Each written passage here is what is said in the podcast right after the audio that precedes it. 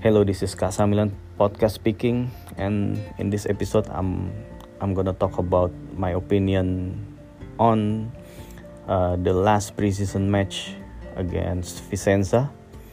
So Milan won six goal to one against the hosts uh, in Romeo Menti Stadium.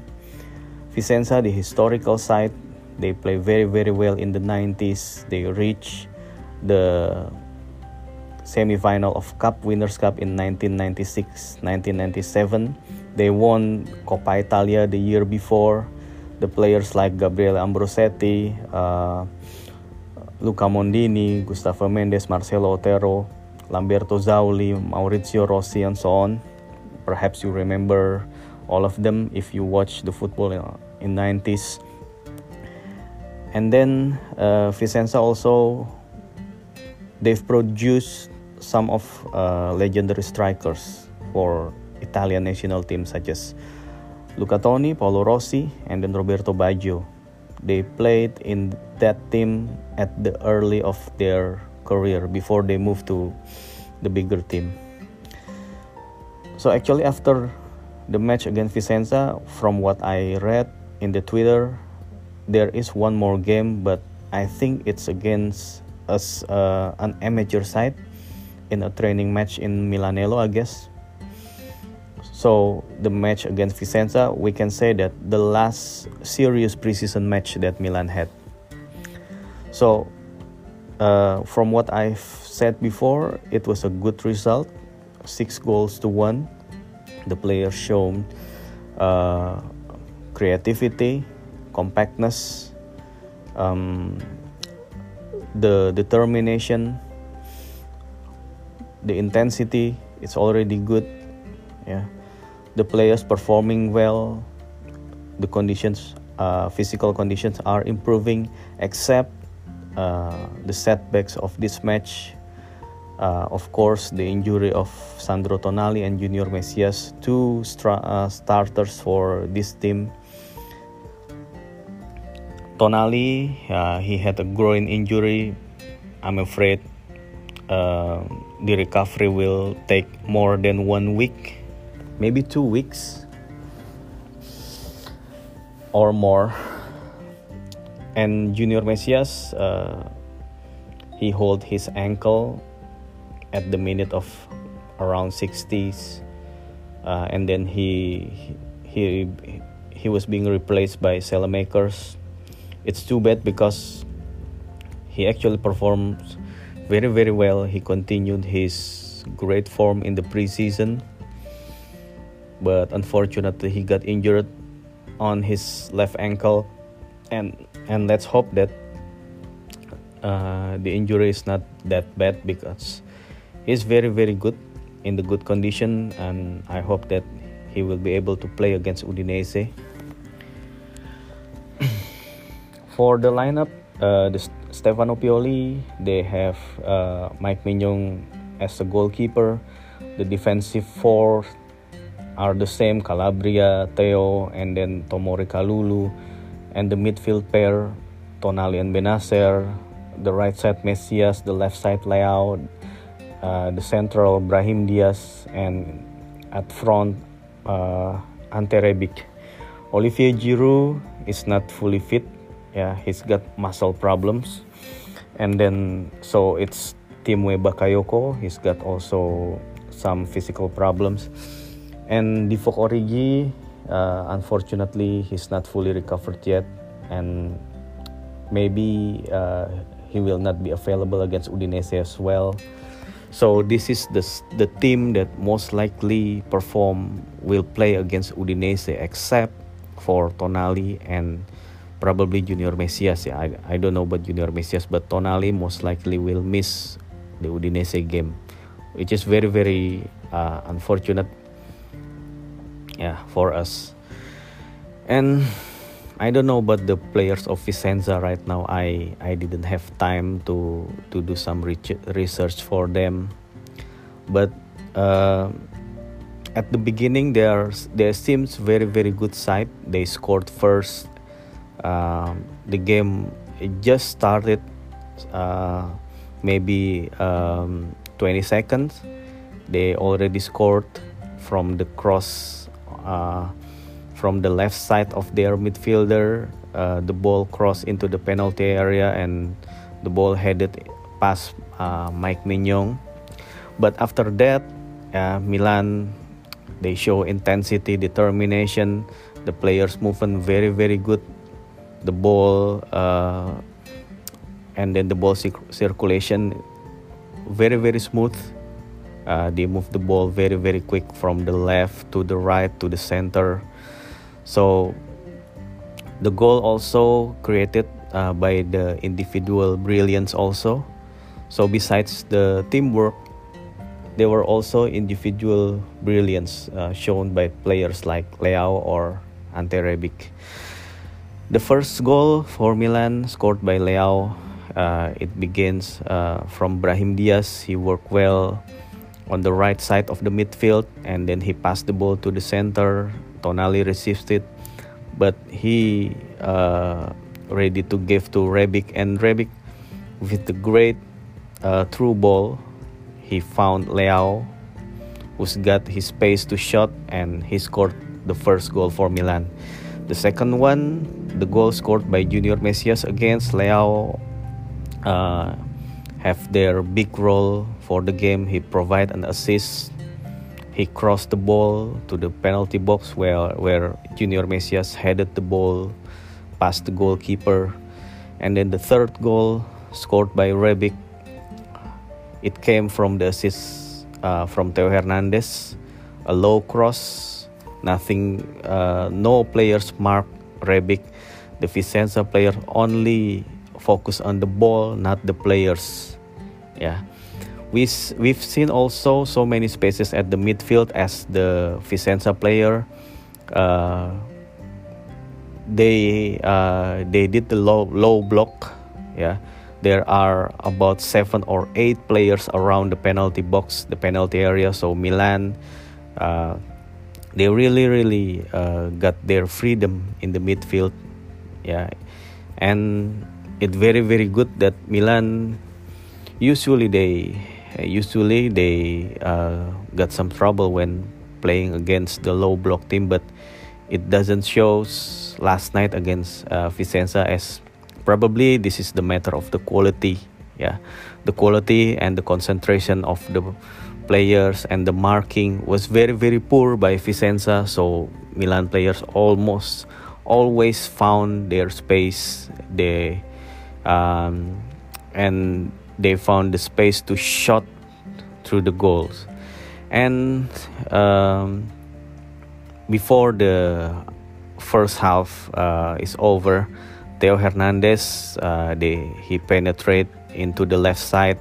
He he's got Rebic to play uh, play uh, play the ball with and Rebic again he shows his good vision he sent the through ball to Theo. Theo, come on. And then Theo was running and he crossed the ball into the goal mouth. And the Vicenza players put the ball into his own net. So the first half ended with four goals to one for Milan.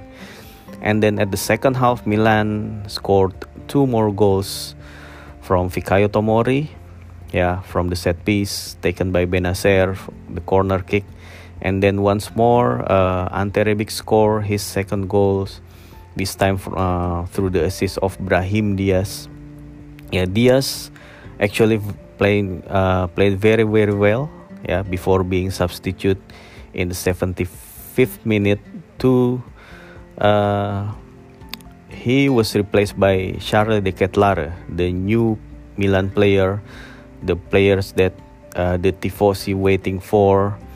Yeah finally uh, we've seen his playing uh, although it's it was just only 15 minutes so and the last 10 minutes the the broadcasting has ended. Yeah uh, there were issues because uh, there was a water bomb yeah uh, the clarification has arrived and i've read in the milan news it there were uh, water bomb uh, thrown by home supporters to the camera, so the broadcast uh, could not continue until the end of the match. But the scoreline doesn't change. Uh, 6-1 for Milan. Yeah, after the incident, and we only see a little from uh, De. Yeah, but from what I've I've seen uh, in his performance, um, he's very very active in the attacking phase. He always asks for the ball. Uh, uh, he takes uh, he takes responsibility. He made the shots. He's very very aggressive. Uh, at the same time, very very good as uh, to find the space for uh, to find the space and to get the shot in. But unfortunately, the no goals or assists that he provided for the team. But uh, this is not the that's not the point. But the info, the important thing is to integrate him very very fast to the to the team to get him used to the system of Stefano Pioli. Yeah, I don't know if he will be placed in the midfielder at, as number 10 or a right side of midfielder or even a striker. Yeah, but that's a good sign that De Ketelaere seems uh, working very very hard yeah to find his space in this team. Yeah to compete against uh, his teammates and to get the confirmation of starting 11 yeah. And about the uh, the injury of Tonali and Messias uh, like I said this that's not a good news for Milan. It's a bad news because both of them they are starting players and they performed very very well. Yeah. It's gonna be hard little bit hard to replace them to another player. And this is probably the momentum for the management. Maldini Massara seeing that Tonali is injured. Tonali is a key player but he's injured. Yeah. The quality yeah of the players who replace him Rade Krunic probably uh, Krunic is not a bad player but he's got a different characteristic of Tonali. So maybe Pioli will will have to make a bit of uh, a bit of change of approach of the game because Tonali is very very good at distributing the ball playing as an attacking midfielder or a defensive midfielder. He he can co cover all of the field yeah. So it's very very difficult to lose him especially in the first match of the season. Yeah. And this is the momentum also to intervene in the market. They have to find the one of the midfielders yeah around available because there are Tonali and then Bakayoko who's got injured. So the available choice only Bennacer, Krunic, and also Pobega. Although probably Yasin Adli can play there as well, but I don't know. It's very very risky to uh, to put Adli as one of the double pivot, especially for his inexperience in the competition. So Adli will most likely play as an attacking midfielder neither rather than a double pivot with Bennacer. But I don't know, maybe Pioli has got something on his mind, also his team. Maybe they are now discussing how to overcome the injury of Sandro Tonali. Because for uh, Junior Messias, the depth is better. Saelemaekers can play there, and Charles De Ketelaere also can play in that position as well. But for Tonali's position, it's quite risky. Yeah, it's it's quite risky to, if uh, we we count on Krunic or Pobega in the in the beginning of the matches, especially for the first four matches against Udinese, Atalanta, Bologna, and Sassuolo. They are very very good teams. Yeah, so we need our best players available or if our best player hasn't available yet so the management should enter the market to buy the best available player with the best value with the best scenario so he will join immediately and then integrate it to the squad and play in those four games. This is very very important for us. And this uh, four games is also very very crucial to find the, the best rhythm uh, to perform well in the first uh, first three months match matches. There are very very uh, there are very very good very very tough matches uh, against Juventus against Inter in the first three months and then a Champions League group stage. So we will need our best players to available or if not we will have to buy players with the quality of uh, the same as our starting. We cannot depend on an inexperienced player or um, a fringe player or just a squad player. We need our best especially in this moment in this situation. We don't want to lose this momentum. We don't want to have a bad start because it's gonna be tough yeah, for us and this and the season will start a week from now. It's just uh, seven days seven more days. So the time is running up. And i guess the management should should find the best replacement. Should find uh, the best players available on the market. And i hope they will find it and they will yeah i believe they will they have a plan and they will get uh, the best for the club. Okay uh, i think that's all for today's uh, match review. Apologize if uh, it's not very clear or it's not very very uh, comprehensive one. Uh, see you in the next match review. Ciao